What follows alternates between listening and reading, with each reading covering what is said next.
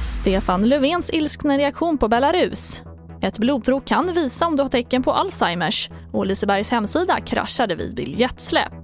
Ja, här är TV4-nyheterna som börjar med att med anledning av att Belarus i förrgår tvingade ner ett flygplan och grep en regimkritiker och hans flickvän som var ombord har utrikesminister Ann Linde idag kallat upp den belarusiska ambassadören till UD. Även de andra EU-länderna har kallat Belarus ambassadörer till liknande möten för att protestera mot händelsen. Och så här säger statsminister Stefan Löfven om Belarus flygkapning. Vi kan inte låta det här passera. Det går inte. Utan det här är ett sånt klart brott mot internationell rätt och flygsäkerheten. Massor med människors liv sätts på spel här för att eh, Lukasjenko ska ha tagit en person som han tycker är, är besvärlig.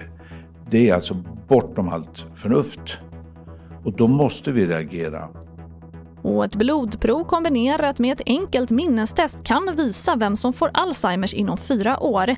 Bara blodprovstestet ligger på 80 träffsäkerhet. Lägger man till tester av minne och kognitiv funktion så kommer man upp i över 90 träffsäkerhet. Det säger Oskar Hansson, professor i neurologi, om uppgiften som presenteras i Nature Medicine. Metoden är testad på minneskliniker men ska nu testas på vårdcentraler. Och vi avslutar med att exakt klockan 10 i morse skulle Liseberg släppa sina biljetter efter att Nöjesparken varit stängd i över ett år. Men servrarna pallade inte trycket och sidan kraschade, det rapporterar SVT.